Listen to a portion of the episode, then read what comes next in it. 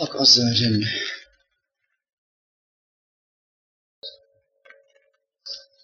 أعوذ بالله من الشيطان الرجيم. بسم الله الرحمن الرحيم. الحمد لله رب العالمين. والصلاة والسلام على رسولنا محمد وعلى آله وصحبه أجمعين. اللهم إنك عفو كريم تحب العفو فاعف عنا. ربنا آمنا بما أنزلت واتبعنا الرسول. فاكتبنا مع الشاهدين لا إله إلا أنت سبحانك إني كنت من الظالمين رب اشرح لي صدري ويسر لي أمري واحلل عقدة من لساني يفقه قولي آمين يا معين بحرمة طه وياسين Alemlerin Rabbi olan Allah'ımıza sonsuz kere hamdolsun. Ayaklarımıza güç verene, ellerimizi tutturana, bize nefes aldırana, gözlerimizi gördürene, kulaklarımızı işittirene, bunların karşılığında bizden ücret istemeyene, o yaratıcıya, yarattıklarının nefesleri adedince hamdü senalar olsun. O Allah ki, Adem'in Allah'ı, Nuh'un Allah'ı, Hud'un ve Salih'in Allah'ı, İbrahim'in, Lut'un, İsmail'in Allah'ı, İshak'ın, Yakub'un ve Yusuf'un Allah'ı, Eyyub'un Allah'ı, Şuayb'ın ve Musa'nın Allah'ı, Harun'un Allah'ı, Davud'un, Süleyman'ın, İlyas'ın ve Elyasa'nın Allah'ı, Yunus'un, Zekeriya'nın, Yahya'nın ve İsa'nın Allah'ı ve adı dört kitapta övülmüş olan Efendimiz Ahmet'in Allah'ı sallallahu aleyhi ve sellem. Allah'ın peygamberlerine selam olsun. O Allah, o yaratıcı, o yerin ve göğün sahibi Kur'an'da bizim kitabımızda bir ayette bize şöyle buyuruyor. Bana dua edin ki ben de icabet edeyim. Bana ibadet etmeyi kibirlerine yediremeyenleri zelil ve aşağılık bir şekilde ateşe atacağım. Zelil ve aşağılık bir şekilde ateşe atacağım. Ayeti iki parçada şer etmeye çalışacağım. Allah bana yardım etsin. Ayetin ilk kısmında Rabbimiz bizden bir şey istiyor. Bizden bir isteği vardır. Nedir bu istek? Bu istek bizim faydamıza olan bir istektir. Allah Teala'ya bir kul dua etmezse Allah'ın bundan bir zararı var mıdır yok mudur? Allah'ın bundan bir kaybı olur mu olmaz mı? Olmaz. Çünkü o hiçbir şeye muhtaç olmayandır. Her şeyin ona muhtaç olduğudur. O öyle bir yaratıcıdır. Dolayısıyla bizim duamıza ihtiyacı var mı? Yok mu? Yok. Ama bizden dua istiyor. Sebep. Niye dua istiyor Rabbimiz bizden? Çünkü bizim insan olabilmemiz için, insani vasıflarla donanabilmemiz için, kaliteli Müslümanlar olabilmemiz için, cenneti hak edebilmemiz için, cehennemden kaçabilmek için dua etmemiz gerekiyor. Onun emirlerini yerine getirmemiz gerekiyor. Onun emirlerini yerine getirmediğimiz zaman bir ateistten farkımız olmuyor. Bir satanistten farkımız olmuyor. Bir namazsız, niyazsız, İslamsız, bayramdan bayrama camiye giden bir adamdan farkımız olmuyor. Bizim bu adamlardan farkımızı ispat etmemiz gerekiyor. İspat nasıl olur? İşle olur, fiille olur, hareketle olur. Buradaki herkes ben çok büyük topçuyum diyebilir. Ama adamın topçuluğunu halı saha maçında görürler. Hadi bakalım gel bir maç yapalım derler.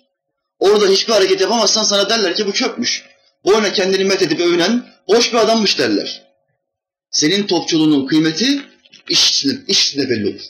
Olay anında belli olur. Buradaki herkes ben Müslümanım diyor. İlim tahsil edebilmek için, peygamberini biraz daha fazla tanıyabilmek için buraya geldi bu gençlerin tamamı. Neden geldi? Çünkü ispat etmek istiyor. İspat istiyor. Neyi ispat etmek istiyor? Allah Teala beni çağırdı, beni günde beş defa çağırıyor ve Allah'ın peygamberi beni ilim meclislerine davet ediyor. 1400 sene önceden. Elbiselerinizin eskidiği gibi imanlarınız da eskir. Sohbet meclisleriyle imanınızı yenileyin. Allah'ın peygamberi 1400 sene önce elbiselerimizin eskidiğinden bize temsil veriyor. Burada benim elbisem eskimeyecek diyen adam var mı? Elbisesi eskimeyen tek kavim Musa'nın kavmiydi aleyhisselam. Allah Teala onun kavmine hiç çalışmasınlar, sadece bana ibadet etsinler diye birer elbise verdi. Ama elbise cennet elbisesi. Eskimiyor, yırtılmıyor, yanmıyor, parçalanmıyor. Çocukken o elbiseyi bir çocuk giydiği anda, o çocuk 20 yaşına, 30 yaşına geldiği anda fiziki durumu ne hale gelirse gelsin elbise onun bedenine oturuyor. Musa Aleyhisselam'a özel, onun kavmi olan Yahudilere Allah'ımızın verdiği bir elbise. Ama ondan sonra hiç kimseye Mevla bunu vermedi. Biz de buna dahiliz. Allah'ın en sevdiği peygamberinin ümmeti de buna dahil. Vermedi. Dolayısıyla buradaki insanların tamamının elbisesi eskir mi eskimez mi? Bir kere bunu netleştirelim. Buradakilerin tamamının elbisesi eskir. Çünkü kirlenir. Elbisenin tabiatında kirlenmek vardır. Kirlendikten sonra da makineye konulur. Makineye her konuluşta elbise biraz daha yıpranır ve eskir. Eskimiş olan elbiseyi yenilemek lazım gelir. Başka bir elbise alman lazım gelir. Ama imanda durum biraz daha değişik. Bu imanı çöpe atıp başka bir iman alamayacağımıza göre ne yapacağız? İmanı yenileyeceğiz. İman nasıl yenilecek hocam? Allah Resulü Aleyhisselam'ın buyruğuyla yenilecek. Sohbet meclislerine gidiniz. İlim meclislerine gidiniz. İlim meclisleri elbiseyi yenilemek gibi imanınızı yeniler. Peki gitmezsek ne olur? Allah'ımızın bundan bir kaybı olur mu? Gitmezsek ne olur? Dünyanın bundan bir kaybı olur mu? Olmaz kardeşim. Bunların hepsi bizim için. Bir kere Müslüman şunu çok iyi idrak etmesi lazım. Allah Teala dünyada biz insanlara ne emirler verdiyse bunların tamamı bizim için. Bize faydası olması içindir. Bize faydası olmayacak boş hiçbir emri Allah Teala vermez. Vermez. Bizi en iyi kim tanır? Soru bu. Bizi kim yaptı? Başka bir soruyla cevaplayayım. Bizi kim yaptı? Bizi Allah yaptı. Bir nesneyi, bir cismi, bir teknolojik aleti en iyi kim bilir? O teknolojik aleti çıkartan bilir. Temsil getireyim. Yeni ortaya çıkmış bir akıllı telefon hesap edin. Babanız eve geldi, size yeni nesillerden bir akıllı telefon hediye etti, al oğlum dedi. Bu akıllı telefon piyasaya daha yeni çıktı. İki hafta sonra Türkiye'ye geldi ve baban zengin bir adam sana bunu hediye etti. Şimdi soru şu, bu yeni nesil cep telefonunu o anda o telefona sahip olan sen mi daha iyi bilirsin? Bütün inceliklerini, bütün ayarlarını, bütün özelliklerini. Yoksa o telefonu icat eden kişi mi bilir? Hanginiz daha iyi bilirsiniz? Bu telefonu kim yaptıysa muhakkak bu telefonu benden daha iyi bilir. Bu telefona en çok ne zarar verir? Bu telefonun ne kadar zamanda şarj olması lazımdır? Bu telefonun faydası nedir? Ömrünü uzatan şeyler nedir? Bunu vallahi bu telefonu icat eden bilir. Sen bilemezsin. Efendiler, bu beden denen telefonu Allah icat etmiştir. Bunu en iyi Allah'ımız bilir. Allah'ımız Kur'an'ında onun en kaliteli insanı ve Müslümanı olan Peygamber aleyhisselam hadislerinde bu telefona en faydalı olan şeyleri bize bildirmiştir. Biz Müslümanlara düşen nedir? Şarja takılmaktır. Şarja gireceksin. Şarj ilim meclisidir. Şarj ibadettir. Şarj az evvel zikrettiğim ayetteki duadır. Duadır. Dua. Allah'a dua ettiği zaman bu şarj olur. Bir temsil daha getireyim. Buradaki insanların çoğunluğu çantacı. Bir bilgisayar mühendisi gelse dükkanınıza dese ki kardeşim bana bir çanta ver. Sen de o adama çıkarsan çantayı versen. Çantayı imal eden sensin. O adam yoldan geçen bir bilgisayar teknisyeni. Senden çanta almaya gelmiş. Çantayı alır ve sana şöyle der. Kardeşim bu nasıl bir çanta ya? Bu çanta, ben bu çantayı senden daha iyi bilirim. Dese. Bu uygun olur mu? Bu mantıklı bir cümle olur mu? Kardeşim senin işin ne? Bilgisayar teknisyeniyim. Sen bilgisayarı benden daha iyi bilirsin. Bu çantayı ben yaptım. Ben bilirim bu çantayı. Onu icat eden benim. Bu çanta kaç kilo yük taşır? Bu çantanın dikişlerinin uzunluğu yarım santim midir, bir santim midir? Su, suya atılır mı, atılmaz mı? Bezle mi silinir? Sabunla mı silinir? Bunları ben bilirim. Çünkü bu çantayı ben yaptım. Efendiler, bu gönül denen çantayı Allah Teala yapmıştır. Buna ne faydalı, ne zararlı o bilir. İşte o bize bu ayetinde zikrediyor, anlatıyor. Diyor ki dua edin. Üd'uni, bana yalvarın, bana dua edin. Estecib lekum. Ben de size icabet edeyim. Şimdi bunu aşmak lazım. Kulun duasını biliyoruz. Anamızdan babamızdan gördük. Biz de namazlara gidiyoruz. Namazlardan sonra gaflet ağır basmazsa dua ediyoruz. Kulun duası ne demektir biliyoruz hocam. Estecib lekum. İcabet ederim ne demektir? İcabet çok önemli bir şeydir. Allah Teala'nın her duayı işittiği kesin mi değil mi? Bunu idrak edelim. İnnehu huves semi'ul basir ayetine göre o her şeyi işitir ve görür. Bu kesindir. Peki biz her dua ettiğimizde bizim ağzımızdan çıkan duaları duyuyor mu duymuyor mu? Emin olalım, mütabık olalım. Kesinlikle duyuyor. Kesinlikle duyuyor. Ama burada bir mesele var. Kabul ediyor mu? Kabul etmiyor mu? Bunu iyi anlamamız lazım. Nasıl kabul ediyor? Nasıl kabul etmiyor? Kiminkini kabul ediyor? Kiminkini kabul etmiyor. İşte icabet farklı farklıdır. Efendimiz Aleyhisselam bu konuyu nasıl anlatıyor? Allah'a dua eden her kulun duasına Allah icabet eder. Bak şimdi. Her kul dua ettiği zaman Allah Teala icabet ediyormuş. Ancak buyuruyor üç şekilde icabet eder. Bunu iyi anlayalım. Bir, dünyada hemen istediğinin karşılığını verir. Bu duayı hemen o anda kabul etmiş demektir. Bu birinci icabettir. İki, dünyada vermez, ahirette daha iyisini verir. Şimdi ahiret nimetleri mi daha üstündür, dünya nimetleri mi daha üstündür? Kesinlikle ahiret nimetleri sonsuz olduğu için daha üstündür. Allah Teala dünya nimetlerinden istediklerimizi vermeyince ne yapıyormuş? Ahirette verecek, onu saklıyor. Sana senin istediğinden daha güzelini verecek anlamına geliyor. Bu ikinci icabetidir. Bir icabeti daha vardır Allah'ımızın. Bu da o duasıyla beraber o kişinin günahlarını siler. Diyelim ki Rabbimizden bir şeyler istedik namazımızın sonunda. Ama beklentilerimiz karşı, karşılık bulmadı. Dünyada da vermedi, diyelim ki ahirette de vermedi. Gaybi ilme giriyor, biz bilmiyoruz. Hiçbir şeyi vermese bile neyi oluyor? Kesin olan şey günahlarımızın silinmesine vesile oluyor. Yaptığımız dualar günahlarımızın silinmesine vesile oluyor. Allah Teala bu yüzden buyuruyor. Üd'uni, bana yalvarın, bana dua edin. Sizin buna ihtiyacınız vardır. Efendiler dua iki türlüdür. Bir, fiili dua. İki, kavli dua.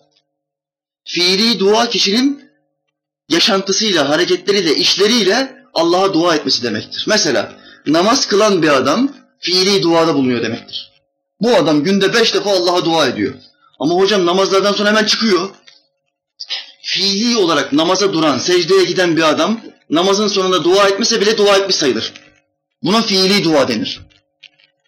Bir adam zikrediyorsa, muhakkak her gününü zikirle geçiriyorsa, bu adam fiili duada bulunuyor demektir. Hayırlı bir adam demektir. Rahmet melekleri devamlı olarak bu adamın etrafında pervane döner. Hep ona dua ederler. Allah'ım bu kulunun günahlarını affet. Allah'ım bu kulunun başına musibet getirme. Allah'ım bu kulunun dünya ve ahiretteki işlerini düzelt. Devamlı etrafımızdaki melekler bize dua eder. Sebep? Çünkü fiili duada bulunuyoruz. Sen aksiyonda bulunuyorsun. Sen Allah'ına bir adım attın. Kul Allah'a bir adım attı mı Allah ne yapar? On adım atar. Hadis, kutsi hadistir. Hadisle sabit. Kulum bana bir adım gelirse ben ona on adım giderim. Fiili duada bulunan adama Allah Teala hemen adım atar. Yaklaştırır kendisine.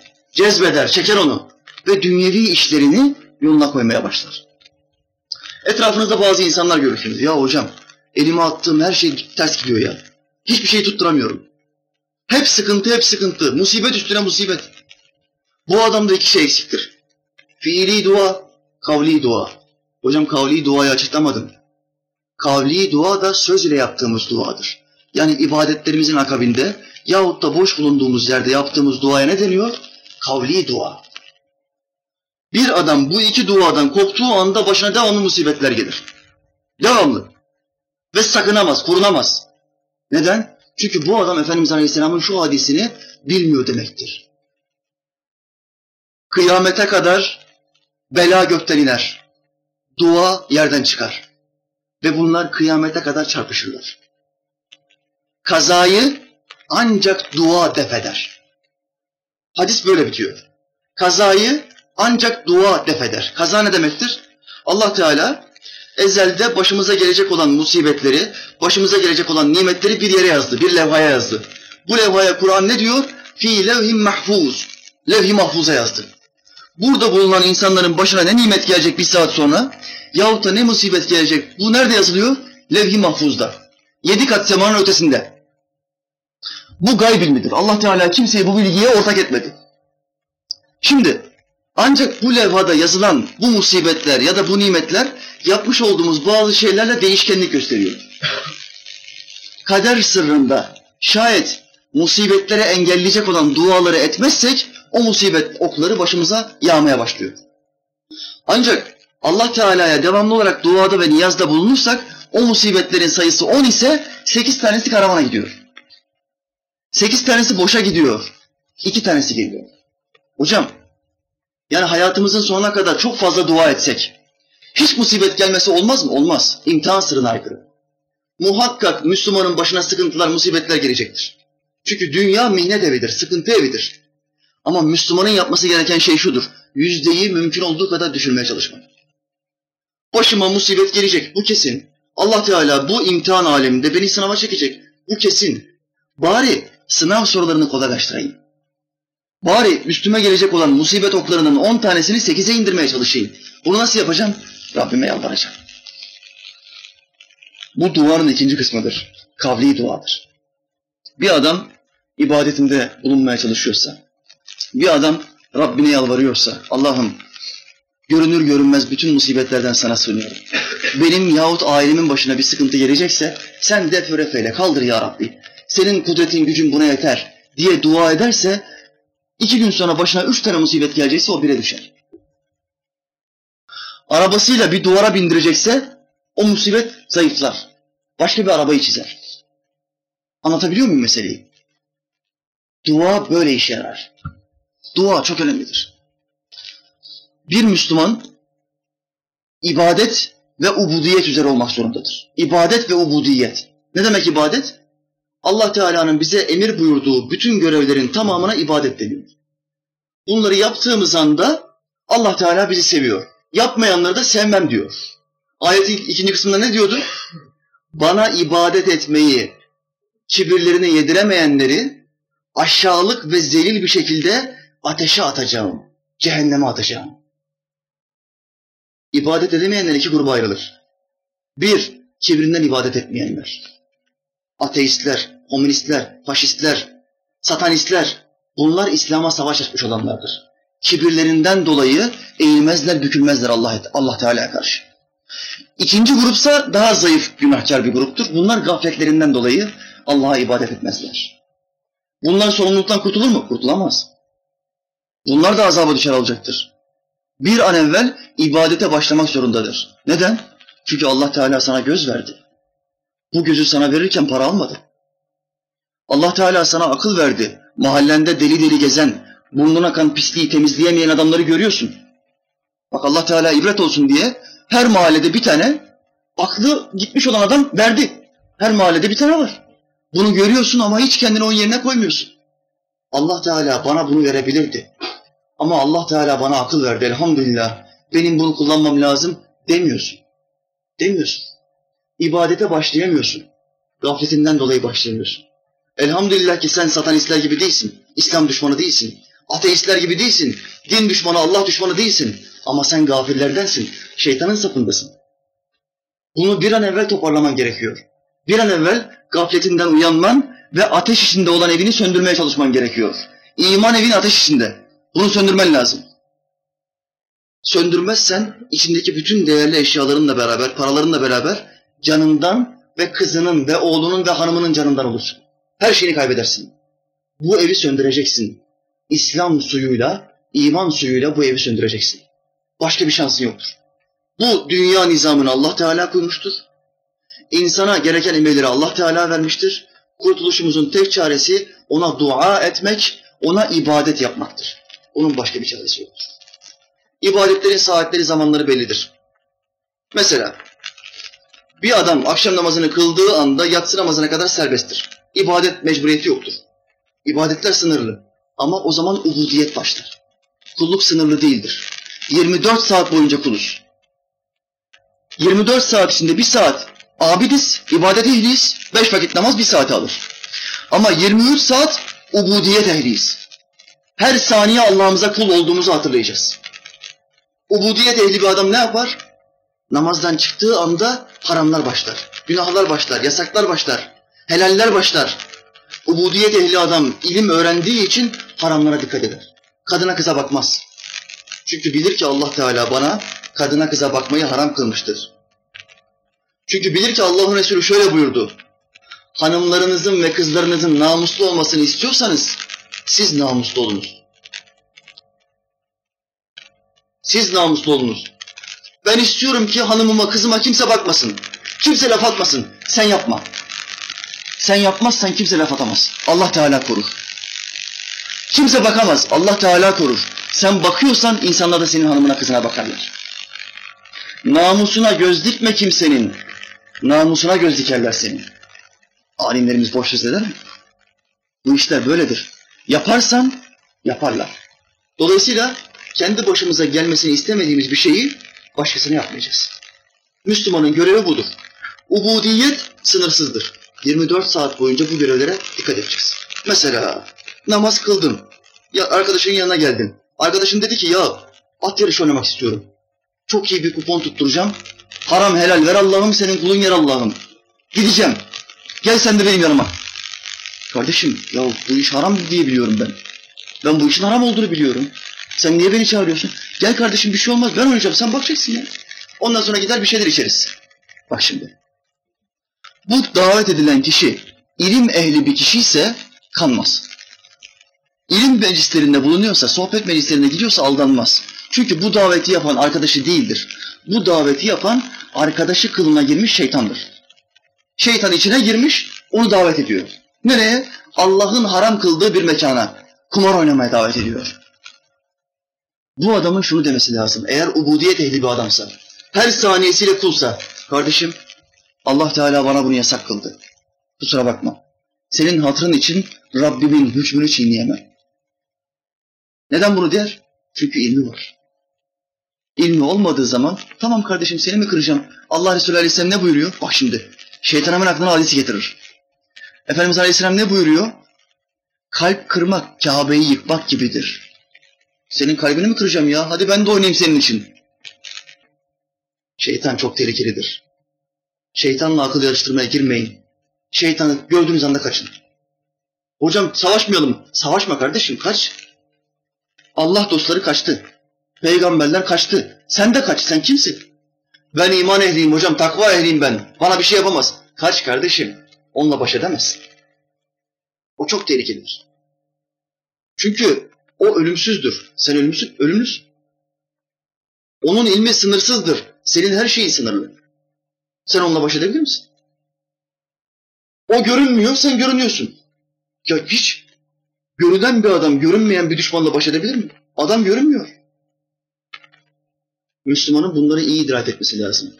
Ubudiyetinin şuurunda olması lazım. Allah Teala bizi bilinçli etsin inşallah. Amin ya. Bismillah.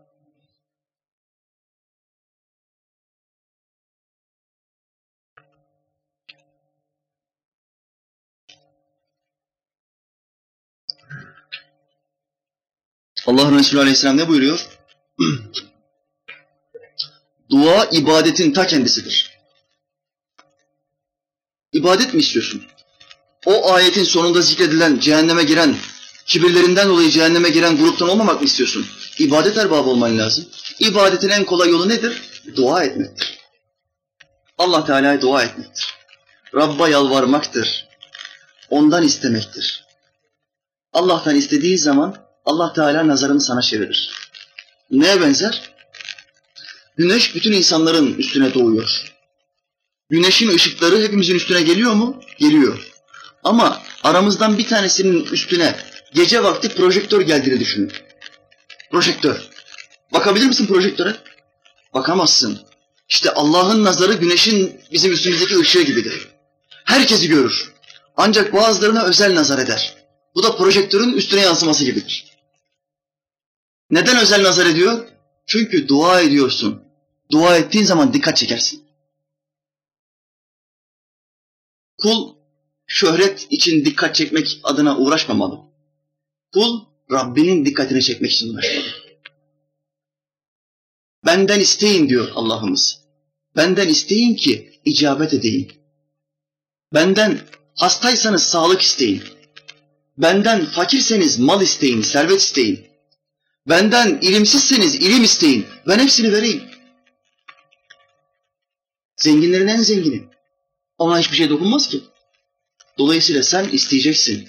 Ama istemenin edepleri var. Dua etmenin edepleri var. Efendimiz Aleyhisselam başka bir hadiste şöyle buyuruyor. Allah Teala kendisine dua eden herkese icabet eder ancak acele edenlere icabet etmez.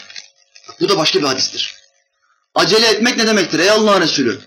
Acele etmek şu demektir. Allah'a dua ettim, Allah benim duamı kabul etmedi. Ne demekmiş bu? Acele etmek. İşte Allah bu adamın duasına icabet etmez. Müslüman bu kelimeyi ağzına almayacak. Ben dua ettim kabul etmedi. Kabul etmedi yok. Az önce zikrettiğim, hadiste zikrettiğim üç tanesinden bir tanesi senin başına geldi. İcabet gördü bir kere dua. Sen bunu neden söylüyorsun? Cahilinden söylüyorsun. Hemen o anda dünyada karşılık bekliyorsun. Ama Allah Teala sana belki ahirette daha üstünü verecek. Neden sonsuz olanı bir adım sonrayı düşünemiyorsun? Belki Allah Teala çok büyük bir günahını sildi, sildi o duan vesilesiyle. Niye hayra yormuyorsun? Ve hemen şöyle diyorsun, şeytana davranıyorsun. Allah benim duamı kabul etmedi. Bu, bu İslam'a uygun bir şekilde değildir. Bu İslam'a uygun bir edep değildir. Dualar neden kabul olmaz? Bir örnek daha vereyim sultanımdan. Allah'ın Resulü Aleyhisselam bir adam gördü. Adam açıktan dua ediyordu. Sesli bir şekilde dua ediyordu. Efendimiz Aleyhisselam dedi ki sahabesine, bu adam acele etti, duası kabul olmadı. Bak şimdi, bu adam acele etti, duası kabul olmadı. Neden ey Allah'ın Resulü? Çünkü sizden biriniz Allah'a dua edeceği zaman başta Allah'a hamd etsin, sonra Resulüne salavat getirsin, ondan sonra isteyeceğini istesin. Bak şimdi duanın özelliği budur. Girişimizi her duamızda girişimizi nasıl yapacağız? Elhamdülillahi Rabbil alemin. Alemlerin Rabbi olan Allah'a hamdolsun. Ve salatu ve selamu ala Resulina Muhammedin ve ala alihi ve sahbihi ecmain. Duaların girişinde bu iki kelimeyi söyleyeceğiz. İster Türkçe söyle, ister Arapça söyle. Onun Resulü Muhammed'e, aline ve ashabına salat ve selam olsun. Başta Allah'a hamd, sonra Resulüne salat ve selam. Okumadan yaptığın dua acele dua demektir. Acele duamız makbul değildir. Muhakkak o duanın başını ve sonunu kapatmamız gerekiyor. Başında Allah'a hamd, Resul'e salat ve selam, sonra Türkçe olarak istediğini iste. Ondan sonra ne yapacaksın? Kapanışı tekrar peygamberinle yapacaksın. Esselatu vesselamu aleyke ya Resulallah. Velhamdülillahi Rabbil alemin. Bitti. Giriş ve kapanışı güzel yapmazsan ortası boş olur. Ondan sonra dersin ki ya ben böyle dua ediyorum. Hiç duam kabul olmuyor. Yine duaların kabul olmamasının sebepleri yalan söylemek. Allah yalancının duasını kabul etmez.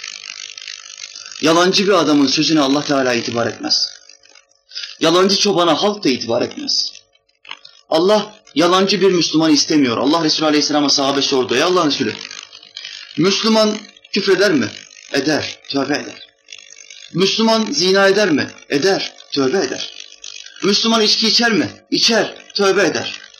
Müslüman yalan söyler mi? Müslüman yalan söyleyemez. Çünkü yalanla iman bir arada bulunmaz. Zina zikredildi. Küfür zikredildi, içki zikredildi. Ama yalan zikredildiğinde Allah Resulü Aleyhisselam ters tepki verdi. Yalanla iman bir arada olmaz ey Müslüman. Ey Müslüman. Olmaz bu iş. Bir arada olmayacağı için duan geçmiyor. Kaş göz işareti yapan adam. Kaş göz işareti yapan adamın duası makbul olmaz. Allah Teala Kur'an'da bizi ikaz ediyor. Kaşla gözle alay edenleri gördün mü? Efendimiz Aleyhisselam müşrikler nasıl alay ediyordu? Peygamberimiz Aleyhisselam geliyor arkasından diğer arkadaşına böyle yapıyor. Kaş göz işareti yapıyor. Alay ediyor. Müslümanlar arasında bu kaş gözle alay olayı çok fazla itibar görüyor şu son dönemde. Bu müşrik adetidir. Sakın bir arkadaşınızın arkasından kaşla gözle alay etmeyin. Müşriklerin vasfına girersiniz. Allah korusun. Kaşla gözle alay ettin mi sen alaycı bir Müslüman haline geliyorsun. Alaycı Müslüman oldun mu da Allah Teala duanı kabul etmiyor. Kabul etmesi için edepli bir Müslüman olman lazım. Bize edep düştü. Müslümanın düşünmesi lazım. Herkesin kendine çek etmesi lazım. Bu mekanlar cami sohbetlerine benzemiyor. Hikaye sohbetlerine benzemiyor. Kendimize bakma, aynaya bakma mekanlarıdır bu mecliste. Tasavvuf meclisi başkadır. Şimdi ben size bir soru sorayım. En son, hayatınızın son dönemlerinde, en son ne zaman bir abdest alıp sadece ve sadece dua etmek niyetiyle karanlık bir odaya geçip Rabbinizle baş başa kaldınız. Namaz kılmak için değil, zikretmek için değil, Kur'an okumak için değil, sadece Allah'a dua etmek için, Allah'tan bir şeyler istemek için, Ne zaman abdest alıp karanlık bir odaya bir köşeye geçtiniz? Bu da benim sorum. Burada yüz tane adamsınız. Ben söyleyeyim. Ya iki sene olmuştur, ya beş sene olmuştur, ya da hiç olmamıştır. Kusura bakmayın. Ben gerçekçi bir adamım. Buradaki insanların çoğunu tanıyorum. Gaflet bizi öyle meşgul etti ki Allah'a dua edecek zaman bulamıyoruz. Karanlık bir odaya geçip Allah'ımızı el açıp gözyaşı dökecek zaman bulamıyoruz, vakit bulamıyoruz. Çünkü gaflet bizi ele aldı. Şeytan bizi ele aldı. Ama kul dua etmek için yaratıldı. Efendiler, kul istemek için yaratıldı. Sen edeceksin ki zengin olan da verecek. Efendimiz Aleyhisselam şöyle buyuruyor. Kalbiniz hüzünlendiğinde, gözleriniz yaşardığında Allah'tan isteyiniz. Allah duanızı kabul edecek demektir. Bir duygulanma hali oldu. Gözlerin nemlenmeye başladı. Hemen bir odaya kapan ve istemeye başla. Allah Teala duanı kabul edecek demektir. Peygamber hadisi. Müslümanın bunları bilmesi lazım. Bunları idrak etmesi lazım. Sahabenin bir duasını söyleyeyim size. Allah Resulü Aleyhisselam'a bir adam geldi. Şöyle dedi. Ey Allah'ın Resulü ben Müslüman olmadan önce çok kötü bir iş yaptım. Annesine dedim ki kızımı hazırla, giydir dayısına götüreceğim. Müşriklerin adetlerinden bir tanesi neydi? Kızlarını diri diri toprağa gömer ya da kuyuya atarlardı. Bu adam peygamberimize bunları anlattı. Annesine dedim hazırla. Kız hazırlandı. Annesi anladı. Kızı dayısına götüreceğim dediğin anda annesi anlar. Ve ona en güzel elbisesini giy giydirir ve son veda sarılmasını ve öpücüklerini verir. Kızı öldürecek babası bellidir. Bu müşrikler zamanıdır. Bu cahiliye zamanıdır. Kızı evime aldım diyor. Götürdüm bir kuyunun başına. Kızım dedim bak kuyunun içinde ne var? Kızım kuyuya başını uzattı. Kuyudan aşağı baktı. Ben de arkasından kızımı ittim. Ey Allah'ın Resulü arkasından kızımı ittim. Kızım can havliyle kuyunun taşlarına tutundu. Parmak uçlarıyla tutunmaya çalışıyordu. Bana şöyle dedi tutunurken babacım, babacım beni buradan çıkart. Beni buradan çıkart ki elbisene toz bulanmış. Çıktığım anda elbiseni ben temizleyeceğim dedi. Bunu dediği anda ben parmaklarını kaldırdım ve kızımı kuyunun içine attım. Ey Allah'ın Resulü ben kızımı öldürdüm İslam'dan önce. Ben Müslüman oldum. Bu günahım affolunur mu? Efendimiz Aleyhisselam çok ağladı. Çok ağladı. Etrafındaki sahabiler çok ağladılar. Sahabilerden bir tanesi şöyle dedi. Ve adam peygamberimizi çok üzdü. Peygamberimizi çok üzdü. Allah'ın peygamberi şöyle buyurdu. Bir daha anlat. Bir daha anlat. Adam ikinci sefer aynı olayı bir daha anlattı. Efendimiz Aleyhisselam bu olayı bir daha niye anlattırdı ki? Zaten herkes üzünlendi. Zaten herkes pişmandı. Niye anlattırdı?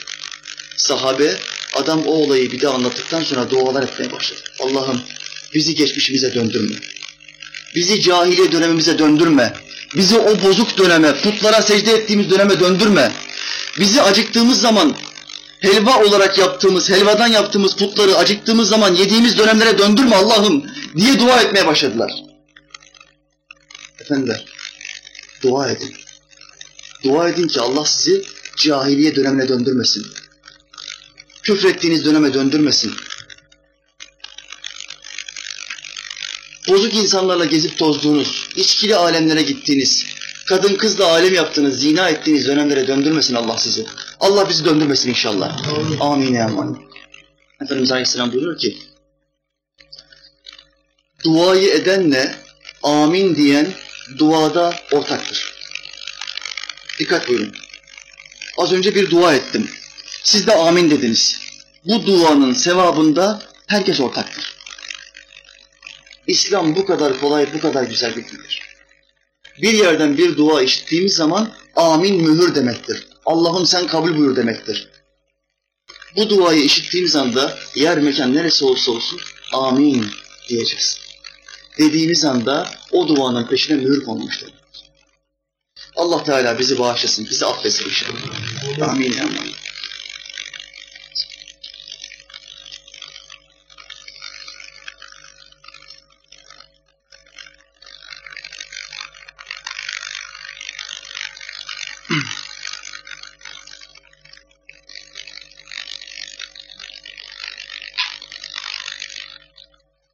Sultanım Aleyhisselam bir başka hadisinde şöyle buyuruyor. Dua müminin silahıdır. Bak şimdi. Silah diyor ama bu bir sözden ibaret. Sözden silah olur mu? Peygamber söylüyorsa doğrudur. Dua müminin silahıdır. Çanakkale zamanlarına geldik şimdi. Bu mekanları bize bırakan şehitlerimizin nasıl bıraktığını idrak etme zamanı, hatırlama zamanı, onlara anma, zikretme zamanı, onlara dua etme zamanı, onların ruhuna bol bol Kur'an okuma zamanı. Biz Vehhabiler gibi değiliz elhamdülillah. Kur'an okuduğun zaman kimsenin ruhuna gitmez, boş boşuna okumayın diyen sapıklardan değiliz çok şükür. Zikredeceksin, dua edeceksin, Kur'an okuyacaksın ve sevabını ananın babanın ruhuna, şehitlerimizin ruhuna yollayacaksın. Yollayacaksın ki onlar da sana dua etsinler. Allah Teala Kur'an'da diyor ki şehitler ölmez. Bu sapık Vehhabiler diyor ki ölür. Allah mı daha iyisini bilir? Bunlar mı daha iyisini bilir? Allah bizi sapıtanlardan etmesin inşallah. Bu Çanakkale şehitleri, bu Çanakkale askerleri nasıl kurtardılar vatanı, nasıl savundular vatanı? Dua ile savundular. Silahları var, cepheler kazılmış, mevzilere dizilmişler. Ama dua, dua yardım olmadan olmaz bu iş. Neden? Çünkü matematiksel olarak her taraftan karşı taraf bizden üstün. Sayıca bizden üstün. Müttefik, müttefiklik olarak bizden üstün. Bir sürü Hristiyan ordusu, İngiliz'i bilmem nesi hepsi peş peşine dizilmiş karşımıza gelmişler. Bizden üstün. Teknoloji olarak kim üstün? Yine onlar üstün. Bize ne kaldı? Bize Allah'ımız kaldı. Bize Allah'ımız kaldı. Bize dua kaldı. Her taraftan bunlar bizden üstün ya Rabbi. Bize sen yardım etmezsen biz mümkün değil bu kafirleri yenemeyiz. Allah Teala yardım etti mi? Vallahi etti. Vallahi etti. Bedir Savaşı'nı hatırlayın. Bir askere üç asker düşüyor. 3.3 asker düşüyor. Yani bin kişi müşrikler, 300 kişi Müslümanlar. Şimdi matematiksel olarak bu savaşta kimin kazanması gerekiyor? 300 kişi kalede olsa yine 3 kişi avantajlıdır. Ama kale değil, cephedeler. İkisi de orta yerde. Müşrik ordusu, müminler ordusu. Matematiksel olarak bu savaşı kim kazanır? Bir adamın 3 kişiden fazla adam öldürmesi lazım ya. Kazanma ihtimali çok düşük. Yüzde on, yüzde on beş. Ama Allah'ın peygamberi ellerini açtı. Allah'ım bir avuç Müslümanız şurada.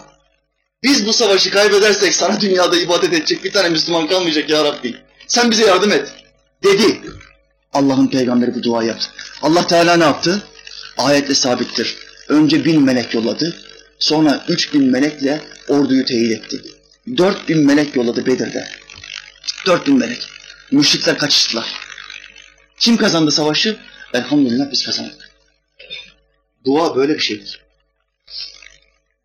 Bu duayı inanarak içten yaptığın zaman Allah Teala seni amacına ulaştırır. Sultanımdan bir hadis daha söyleyeyim. Allah'ın Resulü Aleyhisselam şöyle buyurdu. Allah'tan bir şey isterken duanıza icabet edeceğini bilerek isteyin. Emin olarak isteyin. Yani yani bu acaba olur mu olmaz mı diye istemeyin. Kesinlikle olur. Ben Allah'ımdan istersem Allah bana bunu verir diyerek isteyin. Allah, hadis şöyle devam ediyor. Allah gafil olarak dua eden kalbin duasını kabul etmez. Burayı açmam lazım. Gafletle dua eden kalbin duasını kabul etmez. Hocam ne demektir gafletle dua etmek? Gafletle dua etmek demek duamız esnasında kalbimizde Allah'tan başka bir şeyler varsa, başka istekler varsa o adama gafil deniyor İslam'da. Gafilin duasını da Allah kabul etmiyor. Mesela güncel yaşamdan örnek vereyim. Adam camiye gidiyor. Devamlı cemaatle namaz kılıyor. Bu çok güzel bir şey. Fakat kötü bir ahlakı var. Nedir o? Otomatik dua mekanizması.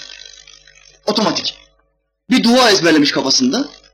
İhtiyaçlarını peşi peşine sıralıyor.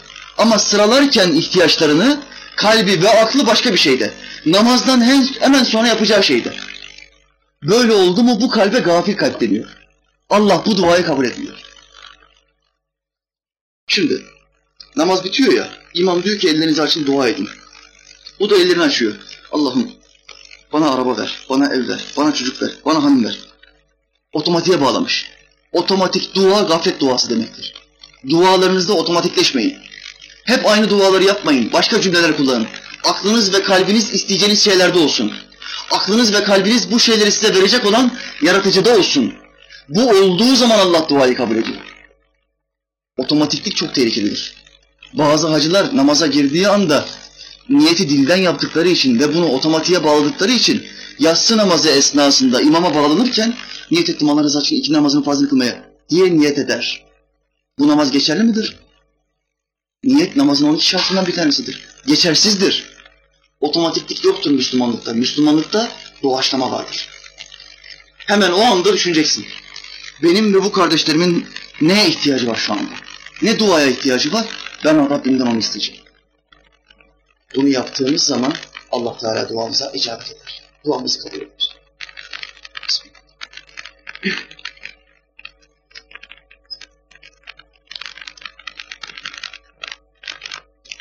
Eski kitaplarımızda anlatılır.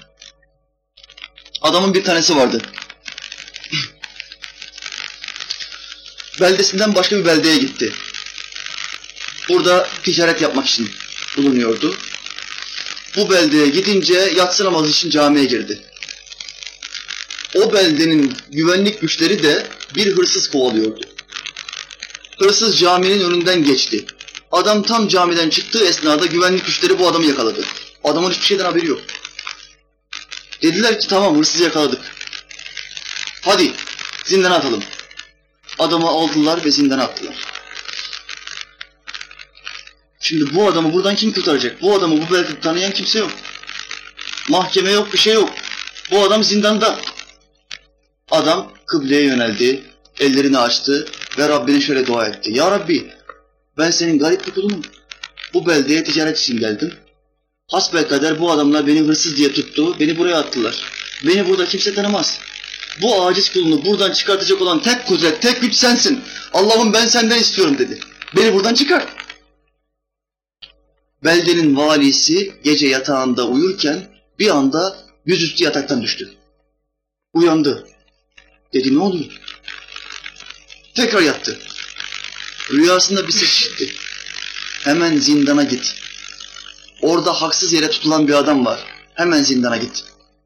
Uyandı bir daha yerüstü dönmüş. Yüzüstü yerde. Bu işte bir iş var dedi.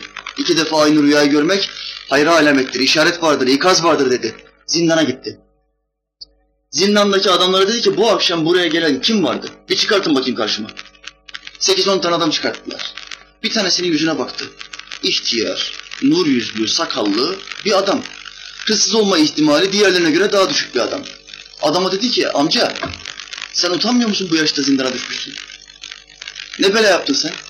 Buraya bela yapmayan adam atmazlar. Amca şöyle dedi. Sevgili kardeşim ben farklı bir beldeden buraya gelmiş olan bir tüccarım. Bir hırsız arıyorlarmış bunlar. Ben de namazı kıldım. Çıkar çıkmaz beni yakaladılar. Ne olduğunu ne bittiğini ben bilmiyorum dedi. Tamam dedi sen serbestsin dedi. Mesela anlaşılmıştır dedi. Sen serbestsin dedi. Yalnız vali adama şöyle dedi. O ihtiyar amcaya. Şayet bir daha bu beldeye yolun düşerse, başına buna benzer bir sıkıntı gelirse, seni tutan güvenlik güçlerine benim ismimi ver. Benim ismimi verirsen seni salarlar. Seni serbest bırakırlar dedi.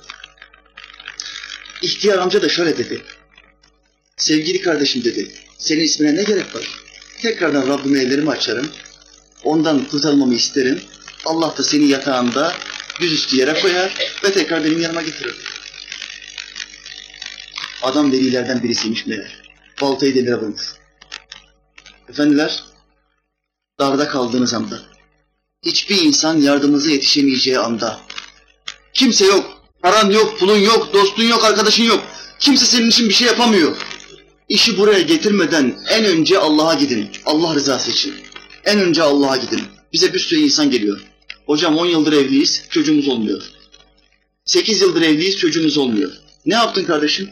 Şu doktora gittim, bu doktora gittim, şu doktor. Hepsi aynı şeyi anlatıyor. Sevgili kardeşim, Allah rızası için neden ilk olarak en büyük doktora, doktorların sahibine gitmedin? Niye Allah'a gitmedin? En önce Allah'a gideceksin. Ondan sonra doktorlara gideceksin. Hiçbirisi Allah'a gitmiyor. Önce doktora gidiyor. Doktora gitmekte bir sakınca var mı? Ya yok bir sakınca. Ama sen önce gitmen gerekeni bil be kardeşim ya. Önce bir Allah'a git, ondan bir iste. Geçen sene bir arkadaşım bir şey anlattı. 10 yıl çocuğu olmamış. 10 tane doktor gezdim. Tonla para harcadım hocam diyor. Bir Kadir gecesinde namazı kıldık. İmam efendi dua ederken gözlerimden yaşlar geldi. Çok duygulandım.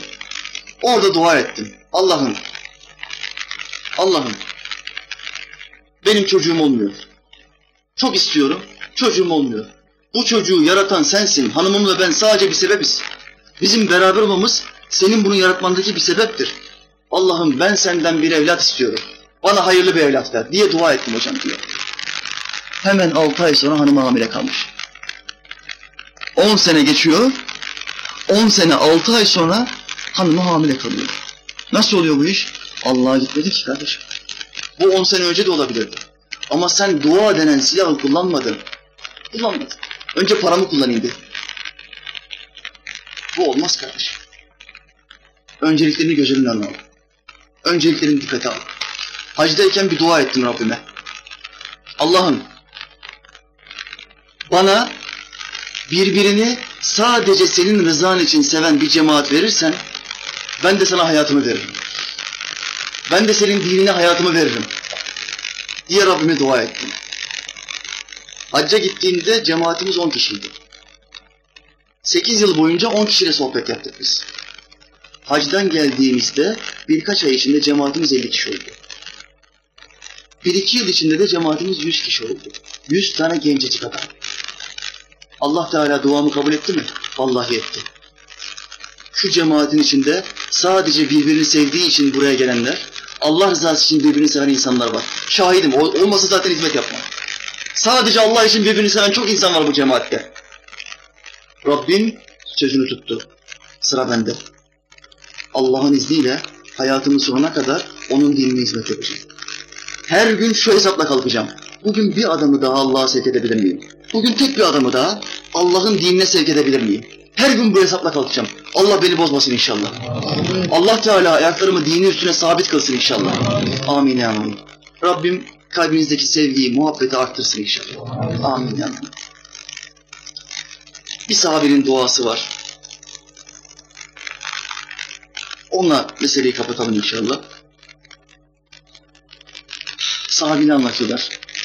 Abdullah İbni Mesud'la beraber bir kafile olarak diyor, bir yerden bir yere gidiyoruz. Yolumuzun önünde bir tane aslan yatmış. Gideceğiz, o kadar insan duruyoruz, gidemiyoruz. Koca aslan yol üstünde. Ne yapacağız, ne edeceğiz? Dolanamayız, yol tek. Abdullah İbni Mesud Hazretleri aslanın yanına gitti.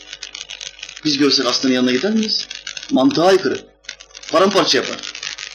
Ama bu kişi Allah'ın dostunun, Allah Resulü'nün dostu. Sahabi. Yanına gitti. Aslanın kulağına eğildi bir şeyler söyledi. Aslan kaçtı gitti. Kalktı bir yolu terk etti. Hemen diğer sahabiler Abdullah İbni Mesud'un yanına gitti. Ve şöyle dedi. Ey Abdullah bu iş ne oldu? Sen bu aslana ne söyledin? Aslanın yanına nasıl gittin? Aslanın yanına gitmemin sebebi şu idi.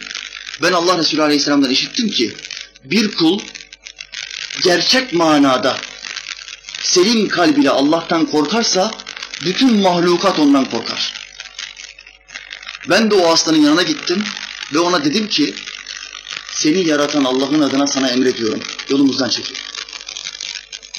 Ve bize zarar verme. Ben bu aslanın kulağına bunu söyleyince aslan kalktı gitti.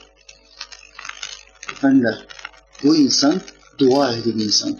Peygamberden dua almış bir ilim erbabı. Sahabenin en alimlerini saydığınız zaman beş tanesinin içine kimi koyarsınız? Abdullah İbni Mesud, rahmetullahi aleyh. Büyük alimdir.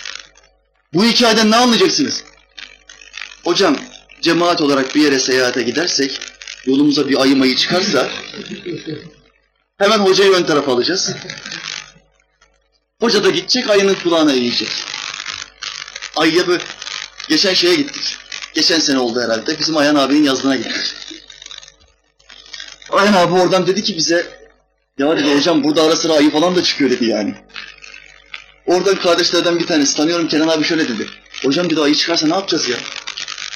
Hocam dedi ben duydum ki ayıyı gördüğümüz anda hareketsiz davranırsak, hiç hareket yapmazsak ayı bize dokunmadan geçiyormuş. Dedi. Kimsenin aklına ya ayının kulağına eğilelim bir dua edelim falan sözü gelmedi. Hiç geçmedi. Birkaç sene önce yine kardeşlerle sabah kahvaltısına çıktık. Sabah namazından sonra. Peynirimizi aldık. Reçelimizi aldık. Nutella'mızı aldık. Çayımızı da aldık. Çaycı da Cemil abi yine. Fakat şeker almayı unutmuş. Her şey var, şeker yok. Ne yapacağız? Ekmeklerin üstüne sürdüğümüz Nutella'nın miktarını biraz arttırdık. Ki çaydaki şekersizlik miktarını dengeleyelim diye. Nutella'ların üstüne sürdük. Çay, kuru çayla beraber yemekleri yemeye başladık. Derken 7-8 tane köpek geldi. Ya 7 tane köpek vardı ya 9 tane. Çok kalabalık geldiler. Sürü halinde. Şimdi biz çimlerin üstünde oturuyoruz. Bütün kardeşler birbirine bakıyor. Köpekler yanımızdan geçiyor. Hep orada bulunuyorlar. Kimse bize dokunmuyor. Köpeklerden bir tanesi bize hık dese paramparça yaparlar. paramparça yaparlar. Fakat kardeşlerde elhamdülillah bir korku ifadesi falan bir şey yok. Muhtemel dervişlerden bir tanesi köpeklere söylemiştir. Seni yaratanın adına emrediyorum. Çekil! Çekil! demiştir. Köpekler sessiz sedasız bir şekilde çıktı gitti. Efendiler, Allah rızası için yaratıcımıza bol bol dua edelim. Bol bol isteyelim.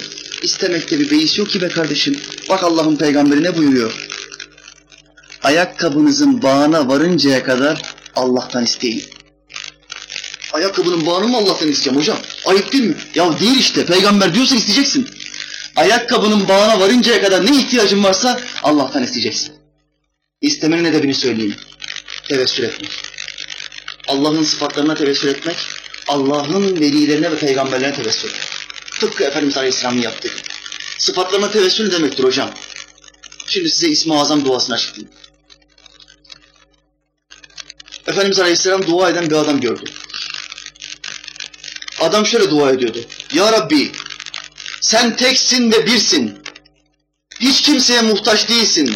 Herkesin ve her şeyin muhtaç olduğusun. Yaratansın, yaratılmayansın. Evveli ve sonu olmayansın. Senden bu vasıfların hürmetine istiyorum. Bak bak duaya bak. Efendimiz Aleyhisselam bu duayı duydu. Ve sahabesine şöyle dedi. Bu kişi Allah'a ismi azam duasıyla dua etmiştir. İsmi azam duasını mı bilmek istiyorsun? İşte ismi azam duası budur. Allah'ın sıfatlarıyla Allah'a dua ettiği zaman buna tevessül denir. Muhakkak Allah Teala o duaya icabet eder. Allah'ın dostlarıyla tevessülü onu da anlat hocam. Onu da anlatayım. Efendimiz Aleyhisselam bir ama sahabi geldi. Gözleri görmüyor. Ey Allah'ın Resulü bana dua eder misin ben de diğer insanlar gibi görebileyim. Gözlerim açılsın. Efendimiz Aleyhisselam şöyle buyurdu. Bak eğer buna sabredersen herkese bir cennet varken sana Allah Teala ahirete iki cennet verecek. İstersen sen buna sabret dedi. Adam dedi ki ey Allah'ın Resulü ben dayanamıyorum dedi. Çok zor, çok ağır bu göz. Görmemek çok ağır bir şey. Allah Teala buradaki kimseye körlük, amalık vermesin inşallah. Çok ağır bir imtihan, çok zor bir imtihan. Bak Peygamberimiz Aleyhisselam ne buyuruyor? Herkese bir cennet vardır, sabreden amaya iki cennet vardır. Sahabe ne diyor ya, ya Resulallah ben dayanamıyorum. Bana bir dua göster. Bana bir dua et. Peygamberimiz Aleyhisselam şöyle diyor. Sen şimdi evine git. Bir abdest al. iki rekat namaz kıl.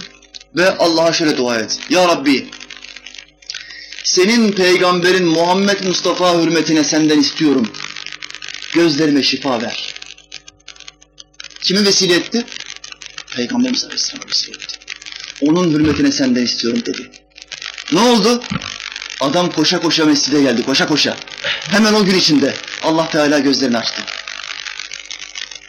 Dualarımızın kabulünün iki şartı, bir, Allah'ın sıfatlarına vesile ederek Allah'tan isteme. İki, Allah'ın dostlarını ve peygamberlerini vesile ederek Allah'tan isteme.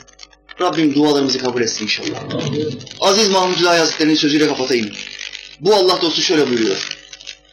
Ne kadar gariptir ki insanoğlu bütün azalarıyla günah işlerken sadece diliyle yaptığı tövbeyle affolunuyor. Allah bizi affetsin. Velhamdülillahi Rabbil Alemin. El Fatiha.